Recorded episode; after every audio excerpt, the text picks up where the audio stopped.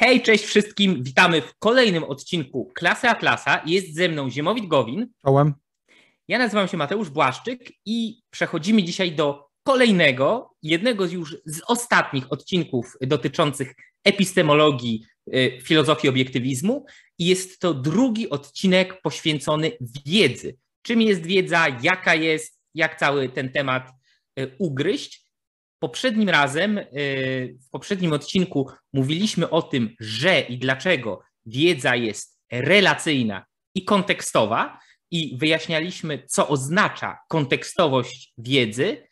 Y, dzisiaj chcielibyśmy porozmawiać o kolejnym aspekcie wiedzy, o kolejnej cesze, która y, charakteryzuje wiedzę, a mianowicie o tym, że wiedza jest hierarchiczna i co to oznacza w praktyce. Tak, jeżeli chodzi o wiedzę pojęciową, bo oczywiście na wiedzę składa się też percepcja, to co postrzegamy naszymi zmysłami, to w odcinku, ale jeżeli chodzi właśnie o ten aspekt pojęciowy wiedzy, to w odcinku o redukcji pojęć dużo mówiliśmy o tym, że pojęcia są hierarchiczne, e, że one się na sobie zasadzają e, i im bardziej abstrakcyjne pojęcie, tym więcej pojęć, na których to abstrakcyjne pojęcie się zasadza, na których się opiera. I podobnie jest z wiedzą. Właśnie wiedza również jest tak samo jak pojęcia są hierarchiczne, tak i wiedza jest hierarchiczna. I ta hierarchiczność generalnie polega na tym, że jak mamy różne fragmenty wiedzy, to to, co je różni oprócz treści, to w kontekście hierarchiczności, to jak daleko są od poziomu percepcyjnego. To jak daleko to, jak, to jaki dystans je dzieli od właśnie poziomu percepcyjnego, od tej bazy, jak moglibyśmy powiedzieć.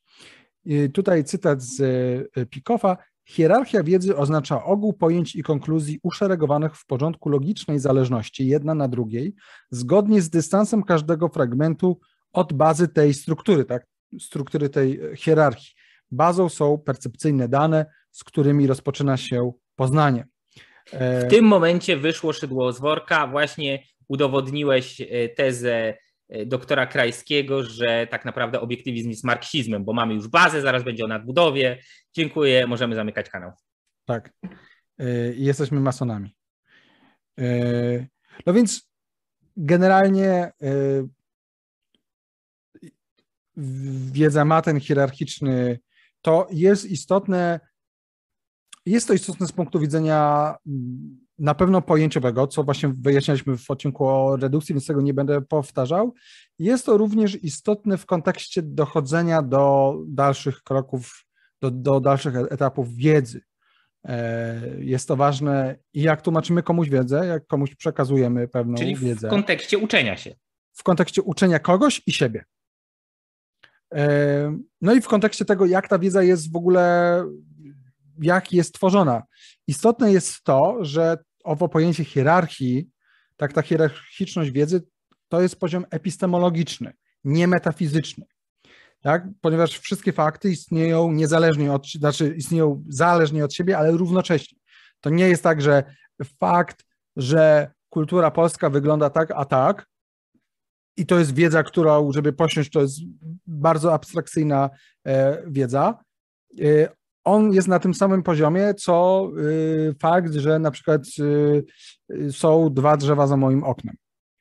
Mimo, że wiedza, tak, wiedza o tym, o tych dwóch rzeczach są na bardzo różnym poziomie, z punktu widzenia epistemologii, z punktu widzenia metafizyki są na tym samym poziomie.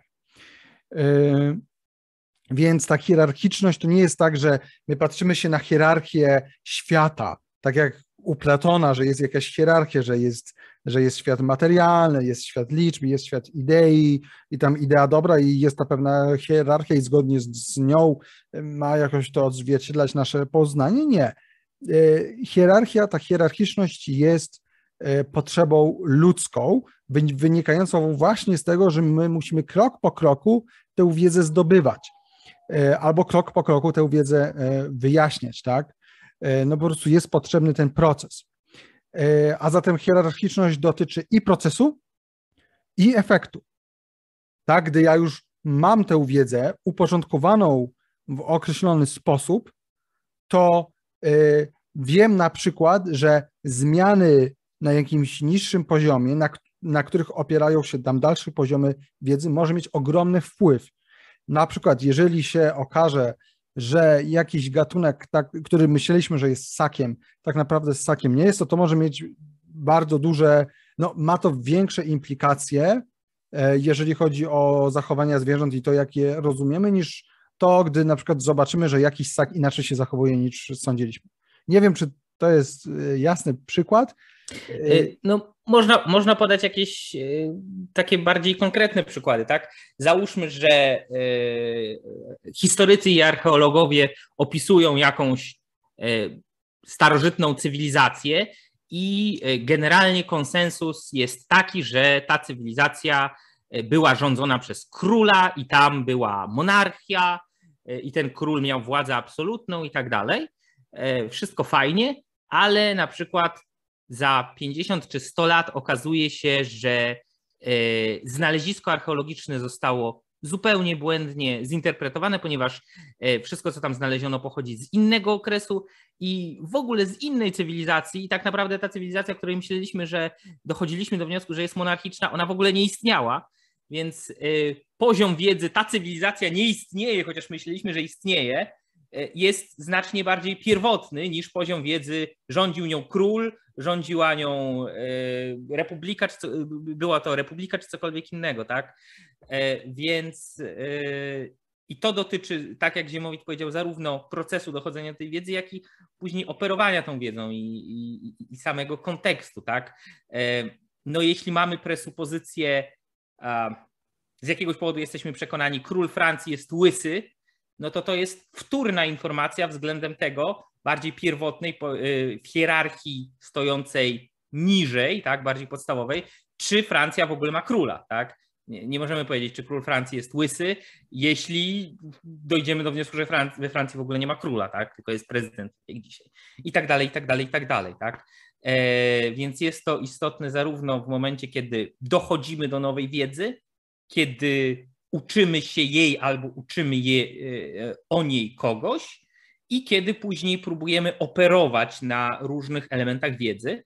Ja bym jeszcze tylko dorzucił, że wiedza jest też hierarchiczna to już może jest, y, wychodzimy ciutek y, poza, poza tak rozumianą hierarchię, ale niedaleko, że wiedza jest też hierarchiczna, jeśli chodzi o jej ważność dla nas, tak? Czyli tak jak Ziemowit powiedział, w świecie fakt tego, że y, w tym momencie jakiś mieszkaniec Papui Nowej Gwinei stwierdził, że nie będzie polował na wrogów i zjadał ich mózgów, E, jest równy faktowi, że ja zastanawiam się, czy zjeść pietruszkę, czy cykutę wypić, ale dla mnie no, przepaść ważności pomiędzy tymi dwiema e, informacjami jest gigantyczna, tak? Bo ta pierwsza informacja może nie znaczyć dla mnie kompletnie absolutnie nic, a od tej drugiej zależy, czy będę żył, czy nie.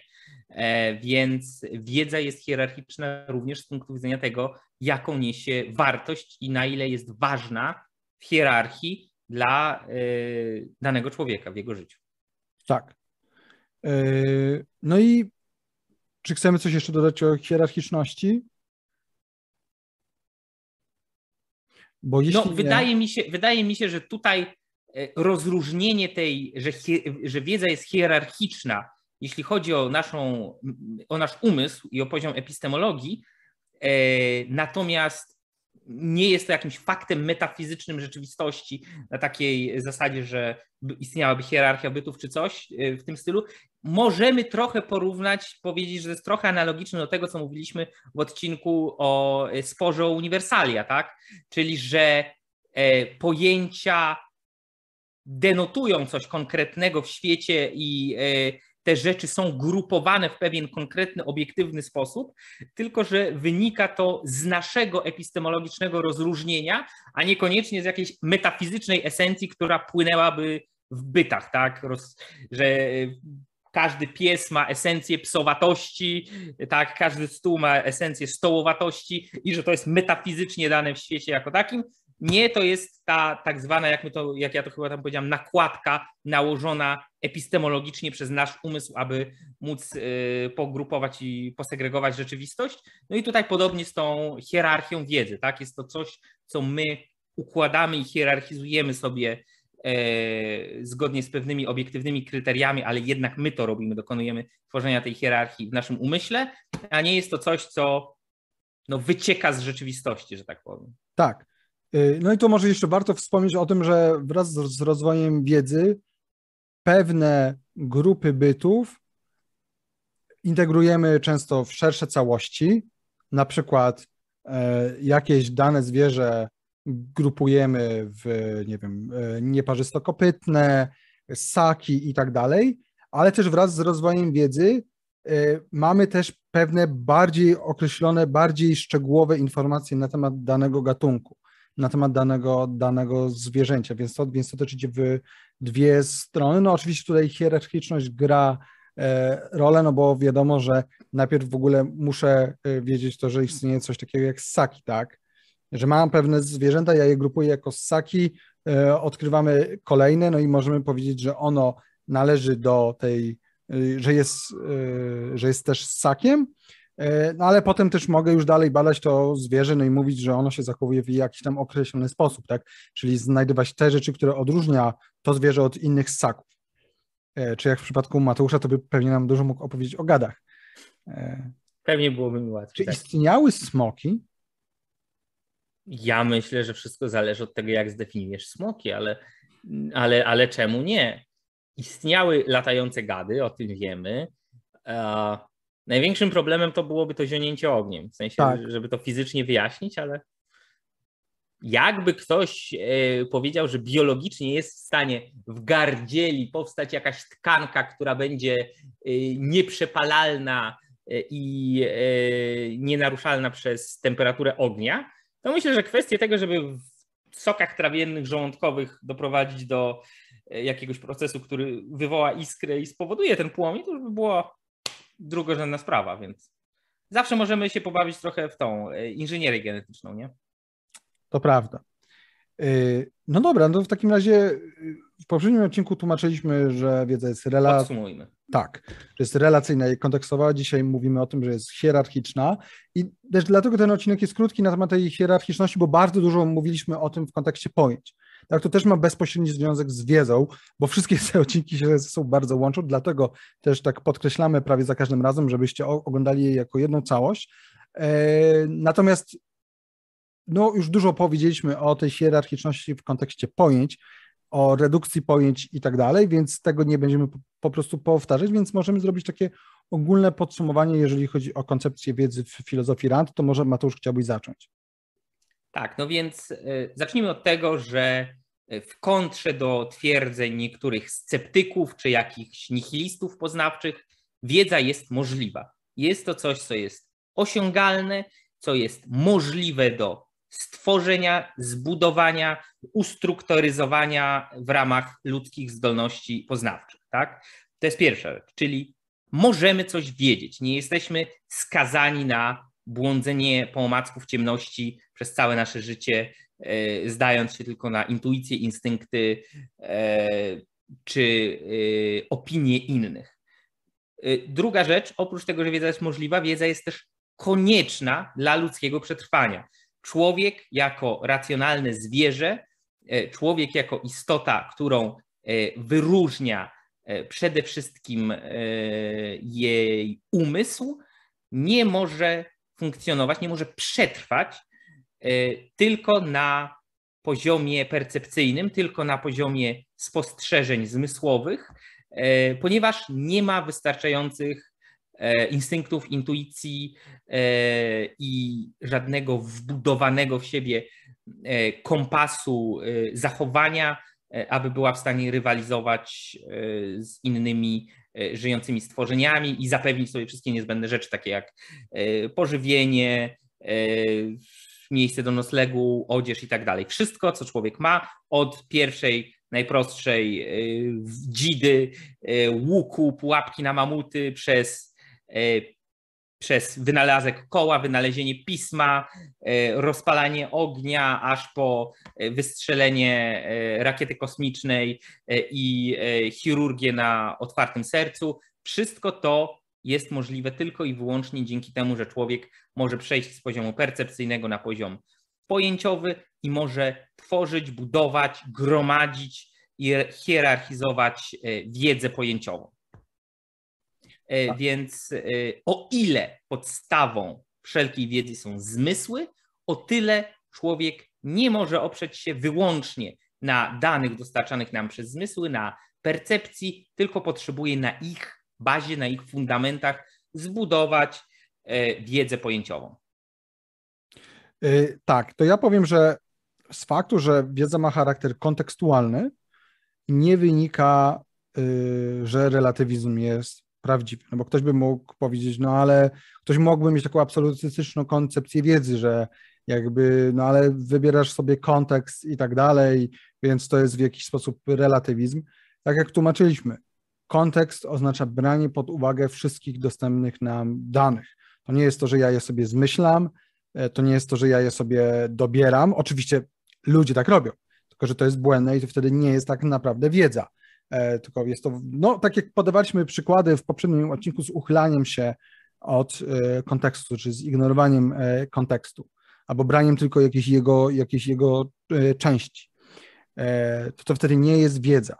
Więc z faktu, że wiedza jest kontekstualna, nie wynika, że relatywizm jest prawdziwy. Tak, nie, wynika, nie wynika, że jest czysto subiektywne. Tak. tak. To jest to jest to, co, prze, co pojawiało się u nas w masie odcinków, zarówno dotyczących epistemologii, jak i etyki, czyli żeby pamiętać o tym, że coś, zarówno e, wiedza, jak i w dziedzinie etyki i moralność, może, może być i powinna być jednocześnie obiektywna i kontekstowa, jedno drugiego nie wyklucza i e, stanowisko, że coś jest obiektywne i kontekstowe, przeciwstawia się zarówno z jednej strony e, subiektywizmowi, czyli stwierdzeniu, że wszystko jest zależne od widzimisię i kaprysu i zachcianki i e, spojrzenia danego człowieka i intrycyzmowi czy stwierdzaniu, że rzeczy istnieją i wartości istnieją i wiedza istnieje sama w siebie, niezależnie od osoby, która tą wiedzę tworzy i buduje. Tak?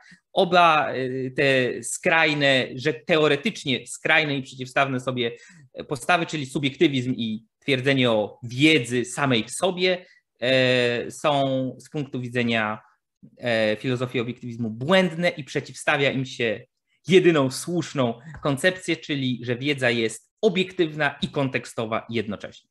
Tak. Y, I kolejny punkt to jest taki, co już Mateusz powiedział po części, no, że jest wiele różnych koncepcji, źródła wiedzy, które obiektywizm odrzuca, takie jak objawienie, wiara, instynkt, intuicja, e, czy jakieś różne takie paranormalne rzeczy, tak jak remote viewing, tak, to widzenie pozazmysłowe i tego typu rzeczy. E, to generalnie można to powiedzieć, że e, większość tych rzeczy sprowadza się do emocji, także emocje nie są źródłem poznania. Tak, to mówi obiektywizm. Oczywiście nie tylko, tak. nie tylko obiektywizm, tak, to tutaj akurat obiektywizm nie jest e, mm, wyjątkowy, jeżeli chodzi o to. Tak samo jak nie jest wyjątkowy, jeżeli chodzi o coś, co pewnie gdzieś tam powiedzieliśmy, ale to ja przypomnę, że obiektywizm uznaje klasyczną, jak, jakiś rodzaj klasycznej koncepcji prawdy. Tak? tak. Zgodności zdań. Obiektywizm jest bardziej e, wyjątkowy, jeśli chodzi o e, sprecyzowanie, wycyzelowanie i w pewien sposób zintegrowanie tego wszystkiego w jedną spójną Tak, ale też w tym, że jakby ze swoją koncepcją obiektywności, tak? Że obiektywność jest przede wszystkim, e, przede wszystkim dotyczy procesu. I że obiektywność nie, nie oznacza, tak, no bo można, to warto podkreślić, że obiektywność można powiedzieć, że jest w sensie metafizycznym, ale to jest pleonazm, tak, że fakty obiektywne. Fakty po prostu są, rzeczy, byty po prostu są, istnieją, a obiektywny jest proces czy wiedza, tak? Za, proces, za pomocą, my, do którego, za pomocą którego my dochodzimy do e, jakiejś wiedzy i tak samo, no i to, że pojęcia są relacyjne, tak? One są obiektywne, bo one są e, uchwyceniem w określony sposób przez nas rzeczywistości. w określony właśnie obiektywny sposób, za pomocą pewnej metody. Na tym polega obiektywność. To jest ta główna rzecz. Jak Pikow robił taki swój wykład, w którym tłumaczył, co jest dystynktywne dla obiektywizmu, to powiedział, że właśnie koncepcja obiektywności, że to jest to, co najbardziej wyróżnia obiektywizm spośród wszystkich innych filozofii. Ale oczywiście to, że to integruje i tak dalej, oczywiście też. Y, no i ostatnia rzecz to będzie główny, to będzie cytat. Nie będziemy robić osobnego odcinka o pewności. Tutaj by można dużo mówić o rzeczach y, w stylu, czym jest możliwość, czym jest prawdopodobieństwo i tak dalej, ale chcieliśmy na koniec, jako taki dodatek, y, na koniec dzisiejszego odcinka powiedzieć coś o pewności. Mianowicie, zgodnie z obiektywizmem, pewność jest możliwa i jest kontekstowa. I teraz cytat. Idea X jest pewna, jeśli w danym kontekście wiedzy dowody na X są konkluzywne. W takim kontekście wszystkie dowody wspierają ideę X i nie istnieją dowody świadczące na rzecz jakiejkolwiek alternatywy. Nie można zakwestionować statusu pewności danego twierdzenia za pomocą arbitralnych deklaracji o przeciwmożliwościach, tak? Czyli sobie wymyślam jakoś, e, jakieś kontrfaktyczne e, stany warunkowe i tak dalej, i tak dalej, tak? E, że co, jeżeli ktoś jest robotem i tak dalej, nie? Tak, no ja mogę powiedzieć, nie ma y, niebieskiego krasnoludka na mojej głowie i nie muszę, y, i nie muszę teraz podawać dowodów na, każde, na każdą tezę, którą stawiałby ktoś, kto mówi, nie no, ale ten niebieski krasnoludek na twojej głowie może być taki śmaki owaki, może się ukrył ci za uchem i tak dalej, nie wiadomo tak, co. Tak? To nie, to mówi... jeśli ktoś chciałby czegoś dowieść, to on mnie, tak, a nie ja. Tak, więc jak mówi Pikow, nie można fabrykować możliwości bez dowodów. E, I dalej, wszystkie główne ataki na pewność, tak na ideę pewności, że pewność jest możliwa, opierają się na unikaniu jej kontekstualnego charakteru. Alternatywą wobec pewności nie jest udawanie wszechwiedzy, ustanawianie każdego odkrycia jako pozakontekstowy absolut. Alternatywą nie jest też sceptycyzm i uznanie, że wiedza jest niemożliwa.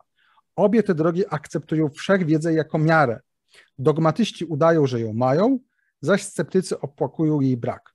Racjonalną drogą jest odrzucenie samego pojęcia wszechwiedzy. Wiedza jest kontekstualna.